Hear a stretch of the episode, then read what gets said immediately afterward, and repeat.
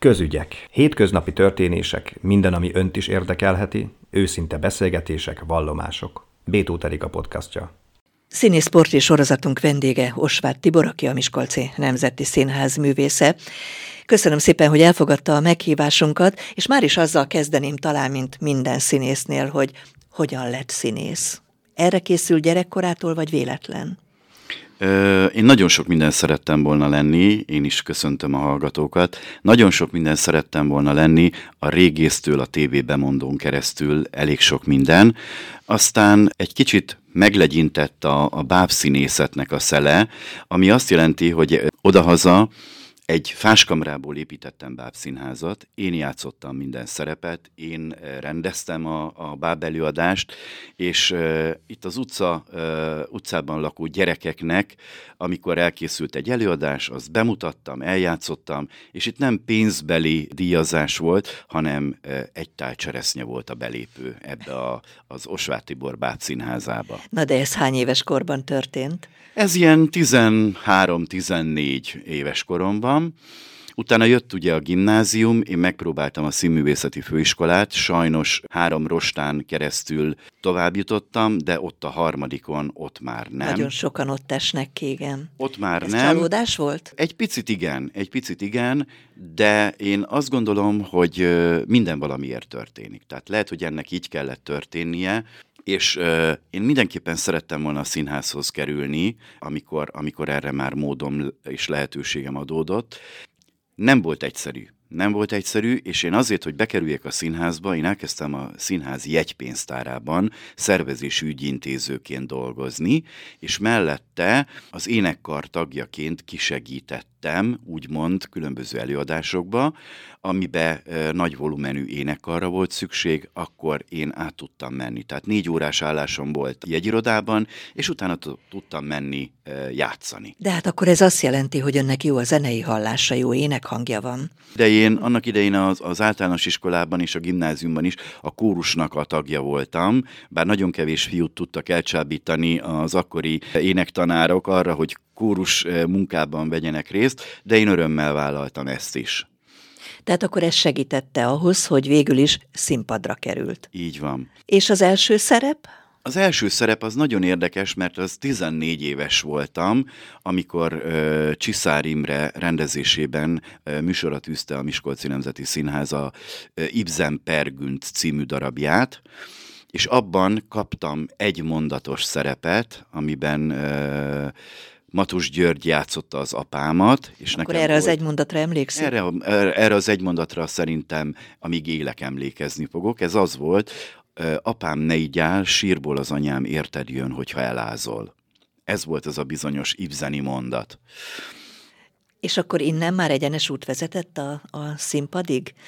Ö, Tehát a rendszerességig? Nem, nem mert ö, akkor, akkor ugye az élet engem is elsodort jobbra-balra, elmentem határőrnek, katonaság, közben a Malév Miskolci jegyirodája keresett munkatársakat. Engem a repülés mindig nagyon izgatott, mindig, mindig egy csodás dolognak tartottam, és ö, akkor elszegődtem ide a Miskolci Malév ö, irodába, ott szervezési ügyintéző voltam, jegyeladó voltam, tehát akkor még nem ilyen egyszerű módon működtek a, a repülőjegyek, hogy az ember bepötyögi a számítógépbe. Interneten megvásárolja. Interneten, hanem akkor rendesen jegyeket nyomtattunk, mérföldeket számoltunk, hogy hogy kell, hogy miből áll össze egy repülőjegynek az ára. És aztán én, én mellette csináltam ugye a, a, a színpadi dolgokat, tehát külső kisegítőként különböző darabokban, akár az énekkar kisegítőjeként is dolgoztam, de kaptam kisebb-nagyobb szerepeket is. Na de hát azért ezek a kisebb-nagyobb szerepek, hát ugye egyre nagyobbakká váltak, azért ma már önt a miskolci közönség nagyon jól ismeri, mint, mint színészt. Nagyon sok Igen, darabban volt, játszik. Volt, voltak, voltak olyan előadások is, amelyben hát nem főszerep, de e, egy bizonyos karakter szerepekhez hozzájutottam, illetve hát a színház rám bízta ezeket a szerepeket. Nagyon kedves emlékem a Hello Dolly-ból Rudolf a főpincér, másik nagyon nagy kedvencem volt Presser Padlás című darabjában Robinson a robot, és még sorolhatnám, mert nagyon-nagyon sok van, de én azt gondolom, hogy ezeket a szerepeket is, és az a, akár két-három mondatos szerepeket is, én ugyanolyan nagy felkészüléssel és örömmel, ugye? Örömmel magamévá, így van. Egyébként milyen színésznek tartja magát, prózai vagy zenész zenei? Ez a maga, ez, hogy színész, ez is egy érdekes történet, mert én igazán a színház énekkari művészének tartom magam, és emellett ugye a megbízások különböző kis szerepekbe, akár prózában, akár zenés darabban, ez ez mindig, mindig egy nagyon kellemes dolog, és egy nagyon kellemes érzés. És én nagyon nagy örömmel vállalom ezeket, és örülök, hogyha a színház vezetősége bármelyik darabban bármilyen szerepet rám bíz. Márpedig sok szerepet önre bíznak. Egyébként mióta van a Miskolci Nemzeti Színháznál? Már több igazgatót Hű, megélt. Igen, igen. Gyarmati Béla volt az első igazgató, akinél én érkeztem, és jelen pillanatban pedig Béres Attila a színház igazgatója. És közben azért volt. Közben voltak Hegyi még, Árpád voltak csak még, Kis Csaba. Van. Kihagytam valakit? Volt, igen, Hegyi Árpád Jutocsa, Kis Csaba, Kis László. Tehát voltak, voltak, mm. voltak igazgatók. Na de azért a, a színészi munka, ez a fajta ö, színpadon való szereplés, ez, ez megmarad, és ha valaki jó a színpadon, akkor minden igazgatónak szüksége van rá. Tibor, van-e szerepálma? Ami szerepálmom volt, az azt megkaptam. Melyik Tehát volt? innentől bármelyik, bármelyik ö, szereppel, ha megtalálnak, akkor azt nagy örömmel veszem. Én annó láttam a Big Színházban a padlást. És akkor nekem nagyon tetszett az, hogy ebben van egy olyan bizonyos robot, aki nagyon fontos szereplője a cselekménynek és a darabnak, és akkor én úgy jöttem ki a Vix Színházból, hogy én ezt nagyon-nagyon szeretném egyszer eljátszani. És itt Miskolcon adódott rá lehetőség, amikor Rusznyák Gábor rendezésében a színház bemutatta a Padlás című előadást, és hát ö, tulajdonképpen 56 előadást játszottunk ebből, ami egy nagyon-nagyon szép szám, és minden egyes előadást boldogan csináltam. Annak ellenére, hogy tulajdonképpen a, a nézők engem nem is láttak az előadás során, mert én egy nagy alumínium dobozba, én elneveztem Flintstone mobilnak, tehát az alja ki vágva, volt, én belülről kiláttam, kívülről nem láttak be, én onnan bentről mozgattam a karokat, onnan mozgattam a robotnak a szemét, és én jobbra-balra mentem a színpadon, mm, és eközben mondtam tulajdonképpen a Robinsonnak a szerepét. Úgyhogy ez teljesült, és a végén gond, tudták meg az emberek, amikor már vége lett az előadásnak, és akkor a kollégák kinyitották az ajtót, a, ennek a nagy plédoboznak az ajtaját, és akkor derült ki, hogy hát ez tulajdonképpen nem egy távirányítós doboz volt, hanem ebbe ott ült bent valaki végig. Hogy ebben ott ült Osváth Tibor. Így van. Jól tudom, hogy filmekben is játszott már? Én azt mondanám, hogy részt vettem filmforgatásban, az egy, egyik film az a Josephine Baker élete, ez egy amerikai film volt, amit Tiszadobon a kastélyban forgattak. Ebbe rengeteg embert kerestek, és ebben voltam én is és volt Herendi Gábornak a filmje a Magyar Vándor, amiben szintén, hát tulajdonképpen itt nem is, nem is szerep volt, hanem egy-két jelenetben egy ilyen villanásnyi kis jelenet, amiben, amiben benne voltam. Ez arra volt jó, hogy, hogy az ember ugye megtapasztalja azt, hogy hogy is történik egy filmforgatás. Bár azért nem titkolt vágyam, nagyon szeretném, hogyha egyszer valami játékfilmben valami kis apró kis karaktert megformálhatnék. Viszont televíziós megkeresésem is volt. Annó a TV2-n ment a Katalin bírónő, ez egy ilyen jogi műsor volt, I, tulajdonképpen igaz történeteket dolgozott fel, amatőrökkel zömében, és ebben az egyik epizódban én is, én is benne voltam. Más egyébként a tévés szereplés, mint a, mint a színpadon való szereplés? Teljesen más, abból a szempontból is, hogy ugye egy-egy felvételnél többször kell megismételni valamit. Na most ez a színpadon Nem ez lehetséges. csak a próbál lehetséges, amikor a rendező kéri, hogy na akkor ezt a jelentet ismételjük meg még egyszer, de a filmben ott ugye egy jelenetet akár többször is fölvesznek. Egyébként a színházban az olvasópróbától az előadásig mennyi gyakorlás előz meg egy-egy darabot? Vagy ez darabja válogatja? Én azt gondolom, hogy darabja is válogatja, illetve hát a rendező, Vagy a rendező is. rendező személye is számít ebben a dologban, mert ugye az olvasó próbák után elkezdődnek a rendelkező próbák, a rendelkező próba után emlékpróbák, emlékpróba után összpróba, utána jön a főpróba, és aztán jön a bemutató. De vannak olyan darabok, amelyik 50-60 próbával készül el, de vannak olyan darabok is, amik esetleg mondjuk egy rövidebb darab például, annál egy olyan 30-35 próbával szokta a színház bemutatni ezeket az előadásokat. Volt már olyan beugró szerepe, ami hát stresszes volt? A beugrás az mindig, mindig egy nagy kihívás. Én azt gondolom minden egyes kollégának. Természetesen ilyenkor az adrenalin azért az működik rendesen, volt nekem is már ilyen, akár énekkari feladatban is, a Valahol Európában című előadásban a Levente oktató szerepébe kellett beugranom, kolléga helyett, aki akkor éppen egy mm, más elfoglaltsága miatt nem tudott az előadásban részt venni, de az Aranyára című produkcióba is volt beugrásom, és hát mm, ha most így gyorsan gondolkodnom kellene, akkor biztos össze tudnék szedni még pár darabot, de ez a kettő volt én azt gondolom a legjelentősebb.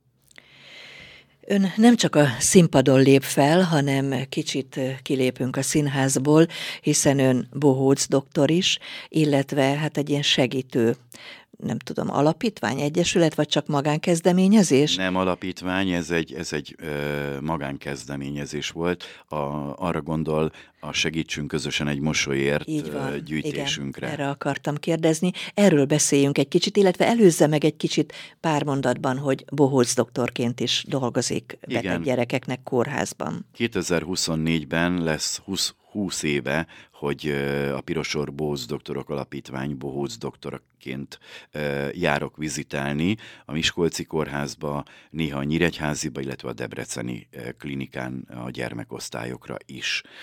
Tulajdonképpen a gyűjtés is innen indult, tehát ugye van a közösségi média, ahol ugye nagyon sokan, nem tudom, mondhatjuk-e a nevét, hogy a Facebookon, ott nagyon-nagyon sok ismerősöm van, és egyszer egy reggel nézegettem a, a ismerőseim számát, akkor körülbelül ilyen 2000-2500 ismerősöm volt a Facebookon, és akkor jött egy ilyen gondolat, hogy ö, mi lenne, hogyha mindenkitől kérnék 100 forintot, és ebből a pénzből a karácsonykor a kórházban fekvő kisbetegek részére valami ajándékot ö, oda tennénk a fenyőfa alá.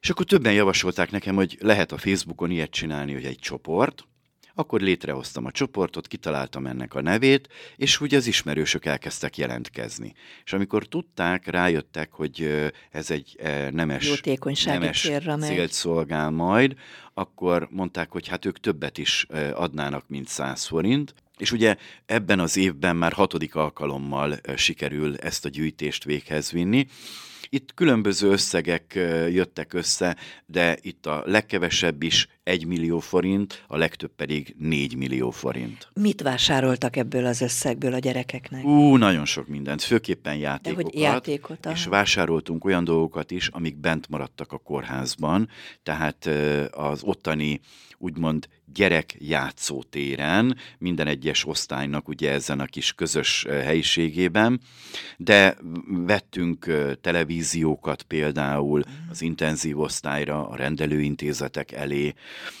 vettünk mikrohullámú sütőt, hogy megkönnyítsük az anyukáknak a, az ételek melegítését, de vettünk szárítógépet, mosógépet, vettünk hűtőszekrényt, tehát mikor, mire volt szükség éppen, és hogy ugye természetesen mennyit engedett az a bizonyos összegyűlt összeg.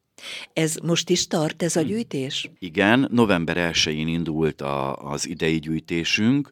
Ezt most tudom is mondani, mert ahogy jöttem be a stúdióba, előtte én ugye mindig este is, reggel is megnézem, hogy hogy állunk. Most jelen pillanatban körülbelül 1 millió 300 ezer forint gyűlt össze. 15-én lezárjuk a gyűjtést, mert a kórháztól 18-a időpontot kaptam az átadásra. Nem a teljes összegért fogunk ide a gyermekegészségügyi központba vásárolni, ugyanis pár évvel ezelőtt én megtudtam, hogy Boldogkőváralján van egy szociális integrált intézmény, ahol sérült emberek laknak, és velük is egyeztettem, ők is részesülnek idén is majd a gyűjtésből befolyó pénzből, vitaminokkal segítjük őket, ők ezt kérték, mondták, hogy ott játékokra nem nagyon van szükség, tehát ott olyan, olyan emberkék élnek, akik, akiknek a vitaminok azok sokkal többet jelentenek, mint a játékok. Honnan a szociális érzékenység, Tibor? Ezen én is mindig, mindig elcsodálkozom, és mindig megkérdezik tőlem, hogy,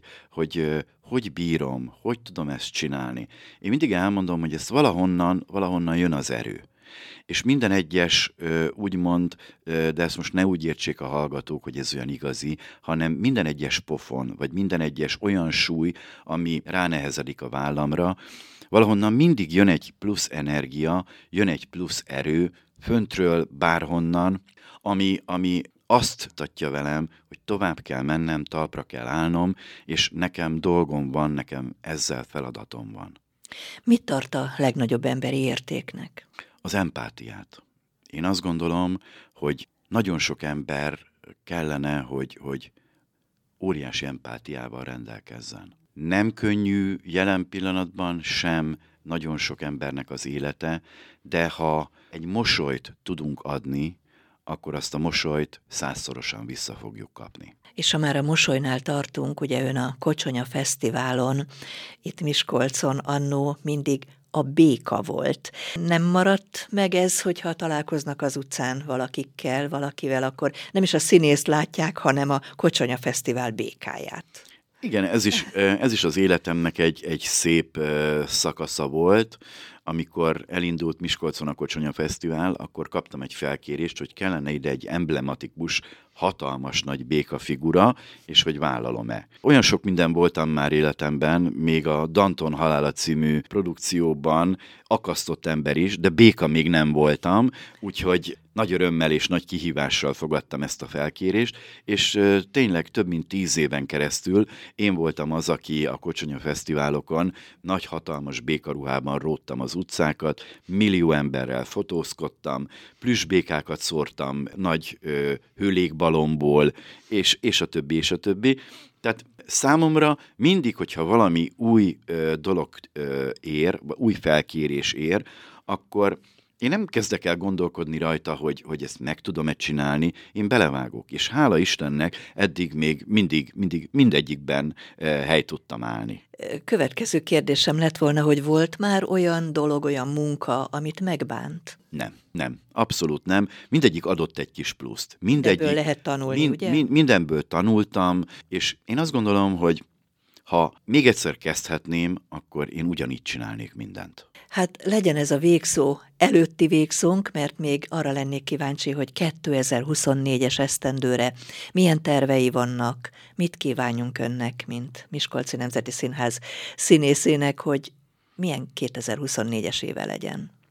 Szerintem legalább olyan legyen, mint az eddigi és nem rosszabb. Akkor tényleg legyen ez a végszónk. Köszönöm szépen Osvát Tibornak, a Miskolci Nemzeti Színház művészének, hogy itt volt velünk és beszélgethettünk. Köszönöm szépen, és hát boldog új esztendőt kívánunk. Én is köszönöm szépen a meghívást, és én is minden hallgatónak nagyon-nagyon boldog sikerekben gazdag új évet kívánok.